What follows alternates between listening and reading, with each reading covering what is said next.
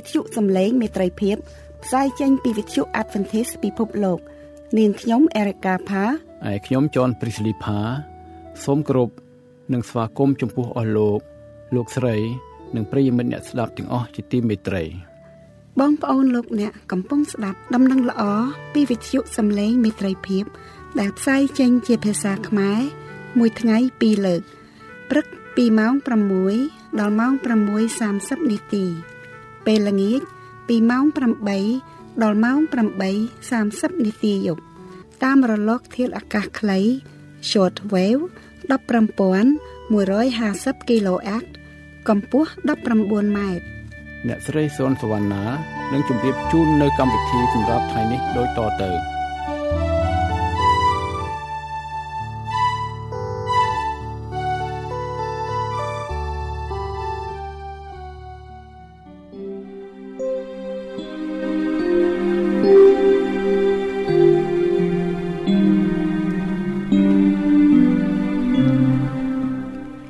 បងប្អូនស្ងួនភ្ងាជាទីគោរពនិងជាទីមេត្រីវិទ្យុសំឡេងមេត្រីភាពជាសំឡេងនៃសេចក្តីសង្ឃឹមនិងជាសារនៃសេចក្តីសង្គ្រោះពីព្រះយេស៊ូវគ្រីស្ទជាព្រះអង្គសង្គ្រោះ ដែលទ្រង់មានព្រះបន្ទូលមកកាន់យើងរាល់គ្នានៅគ្រប់សម័យកាលព្រះគម្ពីរហូសេចំពុក4ខ6សម្ដែងថារះអញត្រូវបំផ្លាញទៅដោយខ្វះខាតតម្រេះ ឯព្រះគម្ពីរយេរេមៀចំពុក6ខ16សម្ដែងថាព្រះយេហូវ៉ាទ្រង់មានបន្ទូលដូចនេះថាចូលឲ្យឯងរាល់គ្នាឈរតាមផ្លូវហើយមើលចុះត្រូវឲ្យសួររកផ្លូវចាស់ទាំងប៉ុន្មាន មើលជាមានផ្លូវណាដែលល្អរួចឲ្យដើរតាមផ្លូវនោះចុះនោះឯងរាល់គ្នានឹងបានសេចក្តីសម្រាកដល់ប្រលឹងវត្ថុសំឡេងមេត្រីភាពសូមជូនកំរងប្រវត្តិសាស្ត្រ នៃថ្ងៃសបាតថ្វាយបង្គំព្រះ និងពួកជំនុំព្រះពីសិភៅថ្ងៃដែលគេស្ទើរតែភ្លេចបាត់ទៅហើយ និពន្ធដោយលោក Mark Finley ប្រែដោយអ្នកស្រីឡៅជីឡាវពិនិត្យកែសម្រួលនិងចែកចាយដោយលោកគ្រូសនសុផាត សូមអញ្ជើញស្ដាប់ដូចតទៅ thank you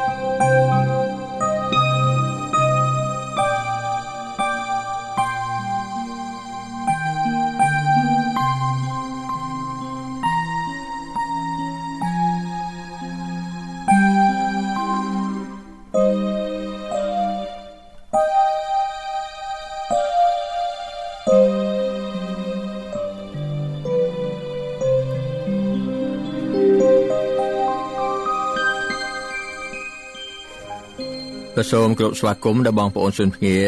នៅក្នុងនីតិអំពីប្រវត្តិសាស្ត្រនៃក្រុមជំនុំហើយនឹង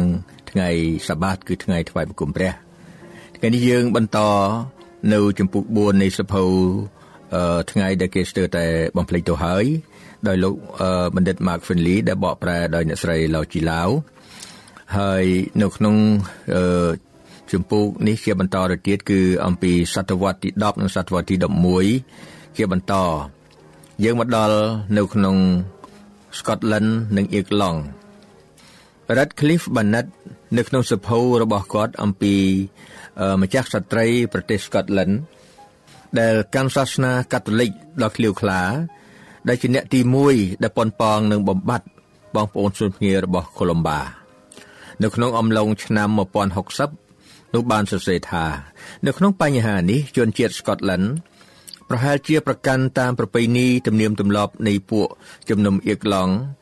ពីសម័យបុរាណដែលកាន់ថ្ងៃសបាតនៅថ្ងៃសៅរ៍ជាថ្ងៃជប់សម្រាកថ្វាយបង្គំព្រះ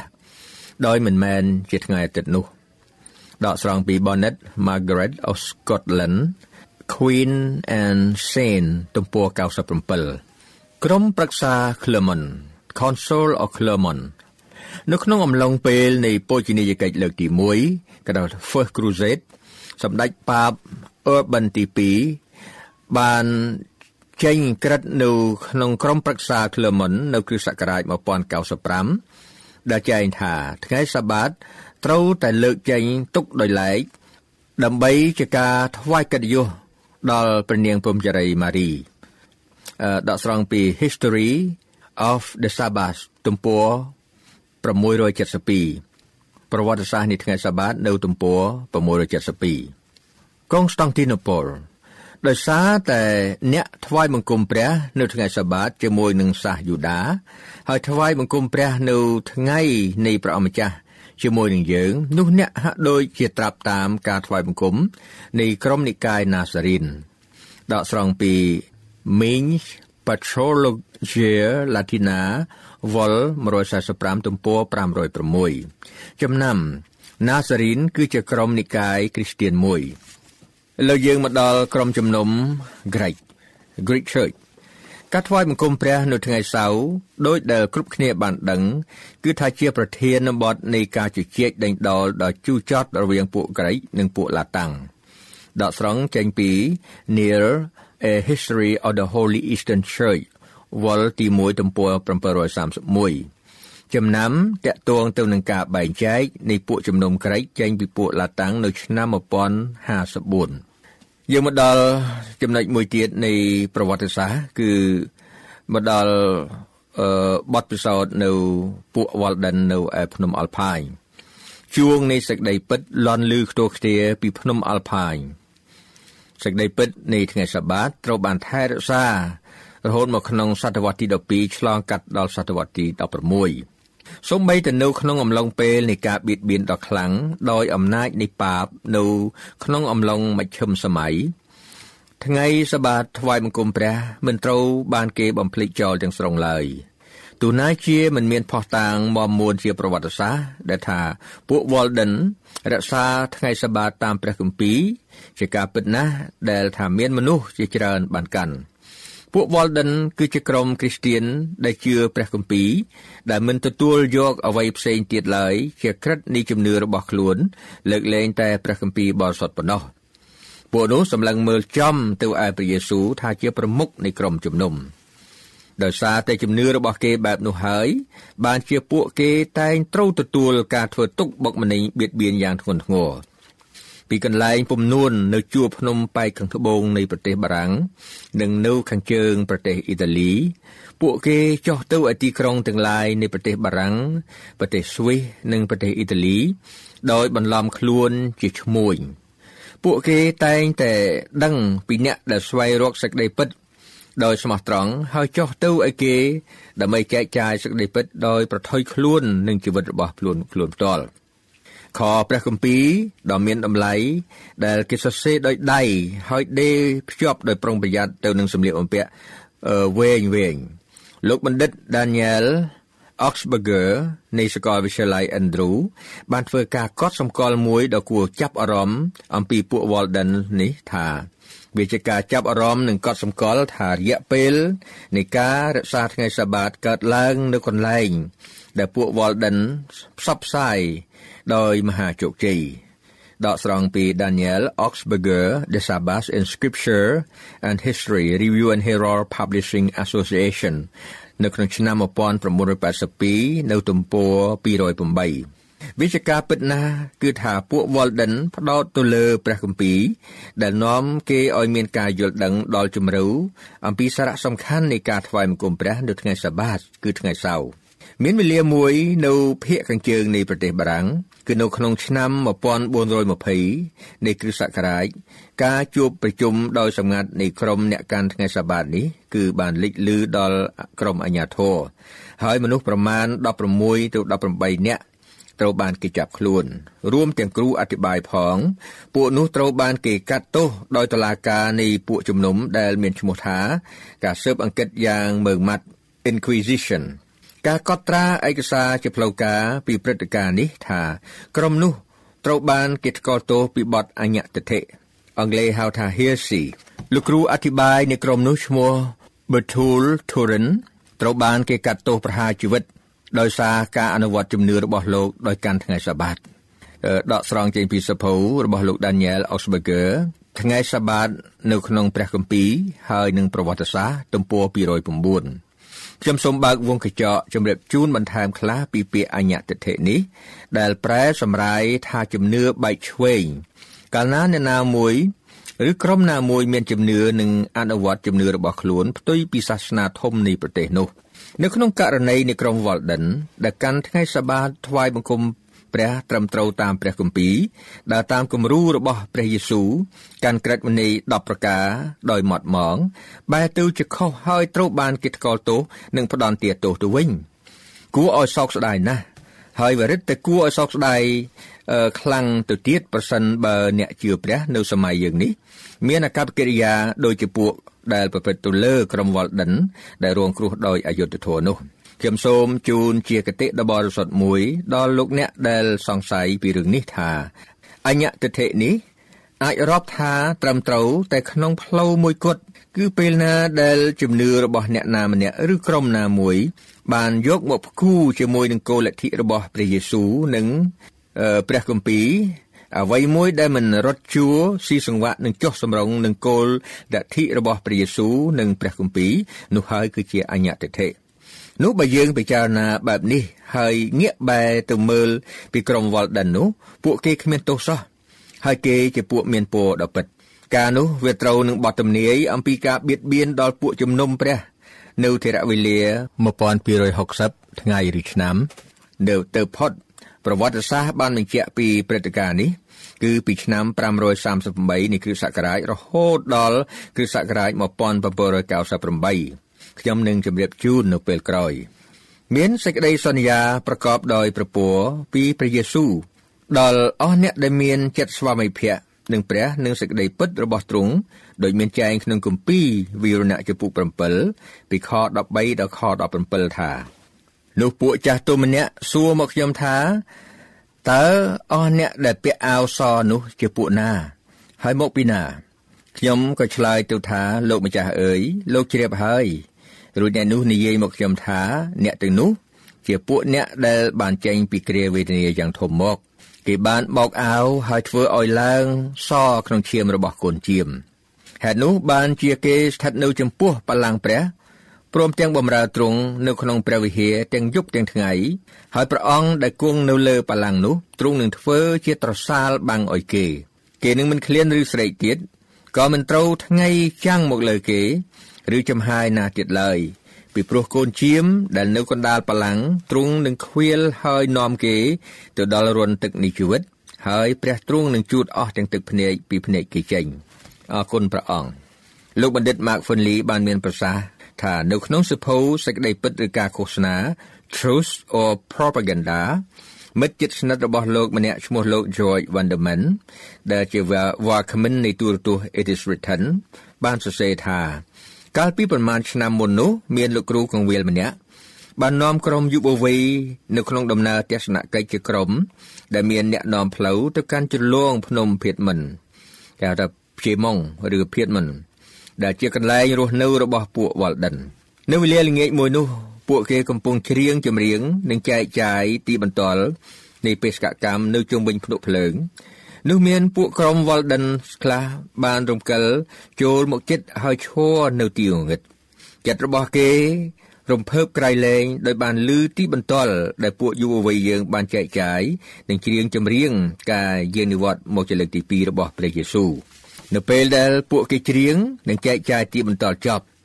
ព្រឹទ្ធាចារ្យម្នាក់នៃពួក Walden បានដើរចូលមកក្នុងពន្លឺភ្លើងនៃការបោះជំរំនោះ ហើយនិយាយឡើងថា អ្នករាល់គ្នាត្រូវតែបន្តដំណើរនាំយកសច្ចធម៌របស់ព្រះនេះទៅមុខយើងជាក្រុម Walden យើងមានមោទនភាពនិងមរតកដែលនៅពីក្រោយយើងយើងមានមោទនភាពនឹងសាវតារបស់យើងនឹងជនជាតិរបស់យើងដែលគេបានប្រយុទ្ធពុះពៀដើម្បីថែរក្សាភ្លើងនៃសច្ចធម៌របស់ព្រះ នៅទីខ្ពស់នៃជួរភ្នំទាំងនេះនិងទីវាលទំនាបនៃជ្រោះជ្រលងនៅខាងក្រោមនោះដែរ នេះគឺជាអតីតកាលដ៏អស្ចារ្យរបស់យើងក៏ប៉ុន្តែយើងមិនមានអនាគតទេយើងបានបោះបង់ចោលសក្តីបង្រៀនដែលយើងមានជំនឿទៅលើ ការដែលគួរឲ្យសោកស្ដាយនោះ គឺថាយើងមិនបានដើរឆ្ពោះទៅមុខដោយក្លាហានដើម្បីប្រឈមនឹងអនាគតតែអ្នកសូមនាំយកសច្ចធម៌របស់ព្រះទៅមុខតទៅទៀតទៅសម្រែកនៃសតវត្សបានបន្លឺស្នូកងរំពង នៅក្នុងយុគសម័យបានលឺដល់ត្រចៀករបស់យើងសូម្បីនៅពេលនេះ ដែលថា សូមអ្នកនាំយកសច្ចធម៌ព្រះទៅមុខទៅគ្រប់គ្នាត្រូវតែនាំយកប្រទីបនៃសច្ចធម៌របស់ព្រះទៅមុខគ្រប់គ្នាត្រូវតែរក្សាសច្ចធម៌របស់ព្រះដោយស្មោះត្រង់គឺជាសច្ចធម៌ដែលព្រះបានសគត់ដើម្បីនោះលោកស្រី Ellen G. White បានមានប្រសាសន៍អំពីប្រវត្តិសាស្ត្រយ៉ាងដូចនេះថាយើងគ្មានអ្វីដែលត្រូវភ័យខ្លាចចំពោះអនាគតសោះឡើយលើកលែងតែយើងនឹងភ្លេចផ្លូវដែលព្រះជាម្ចាស់បានដឹកនាំយើង និងសេចក្តីបង្រៀនរបស់ទ្រង់នៅក្នុងប្រវត្តិសាស្ត្រពីអតីតកាលរបស់យើង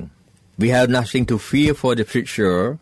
except as we shall forget the way the Lord has led us and his teaching in our past history ដកស្រង់ចេញពីសភៅ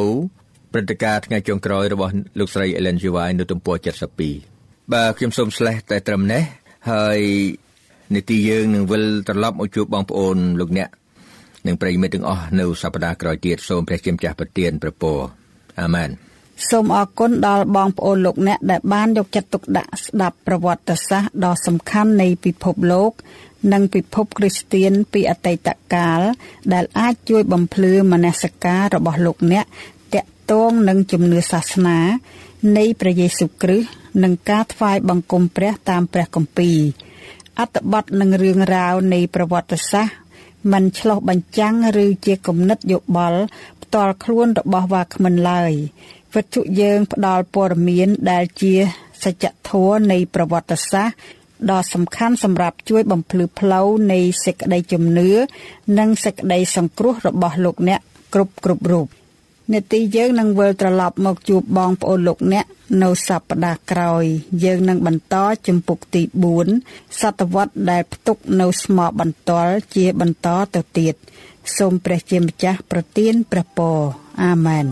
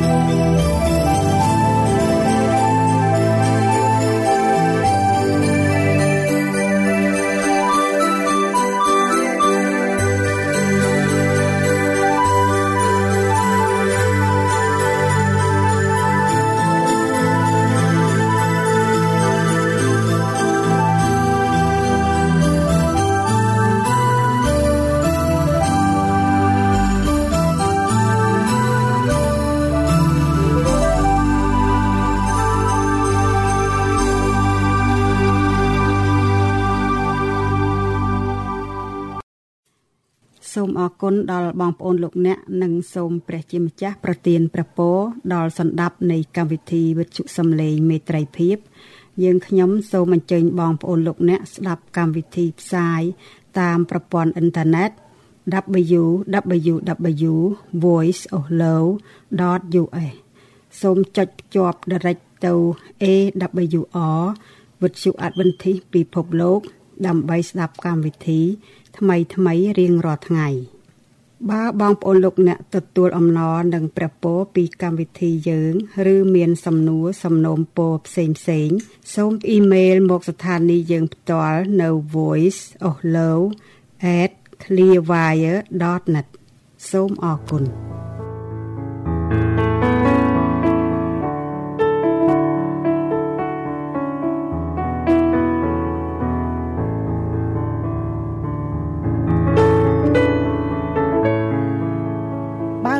មានសំណួរ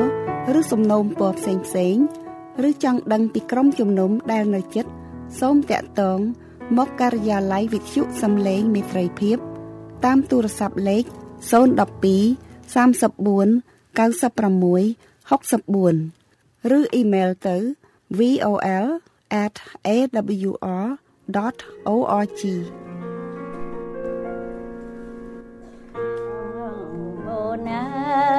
ចាំចាំថា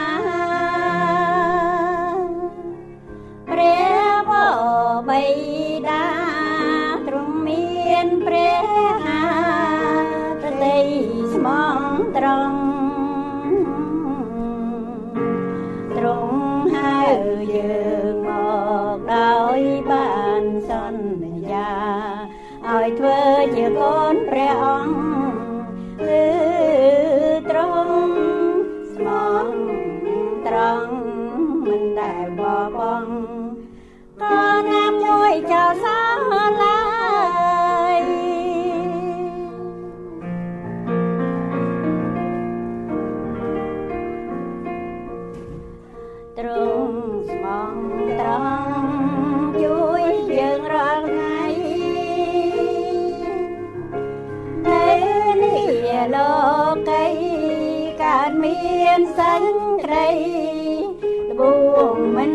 បាយជាប់មានទុំរួយបៀតបៀនខ្វាំងខានទ្រង់មិនធ្វើកាន់តាយតែងប្រអើយលហើយមិនដែលខានឡើយរាល់ពេលណា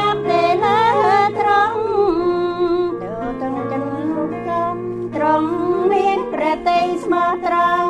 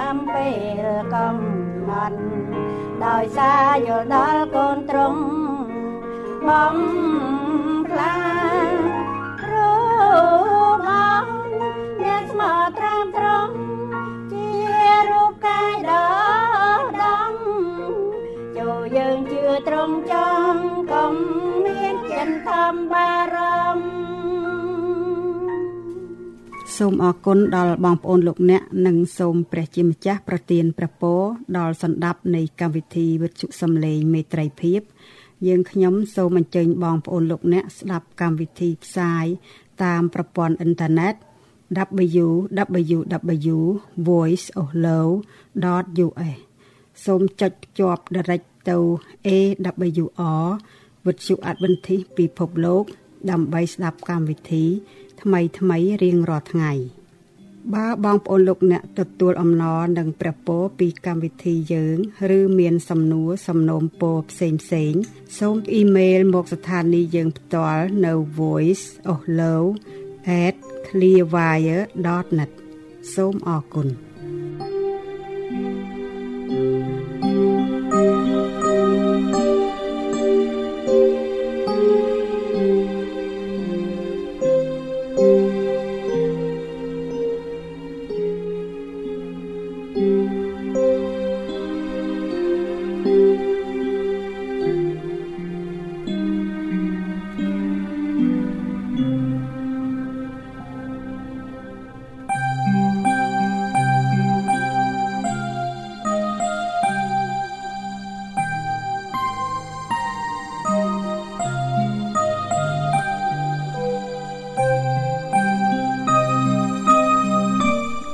សម្រាប់ថ្ងៃនេះចប់តែប៉ុណ្ណេះ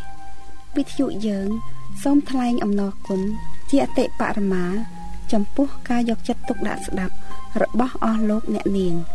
សូមព្រះជាម្ចាស់នៃមេត្រីភាព ប្រោះប្រទានព្រះពរគឺសេចក្តីសុខសន្តិភាព អំណរនិងសុភមង្គលជានិច្ចនិរន្តរ៍តរៀងទៅសួស្តី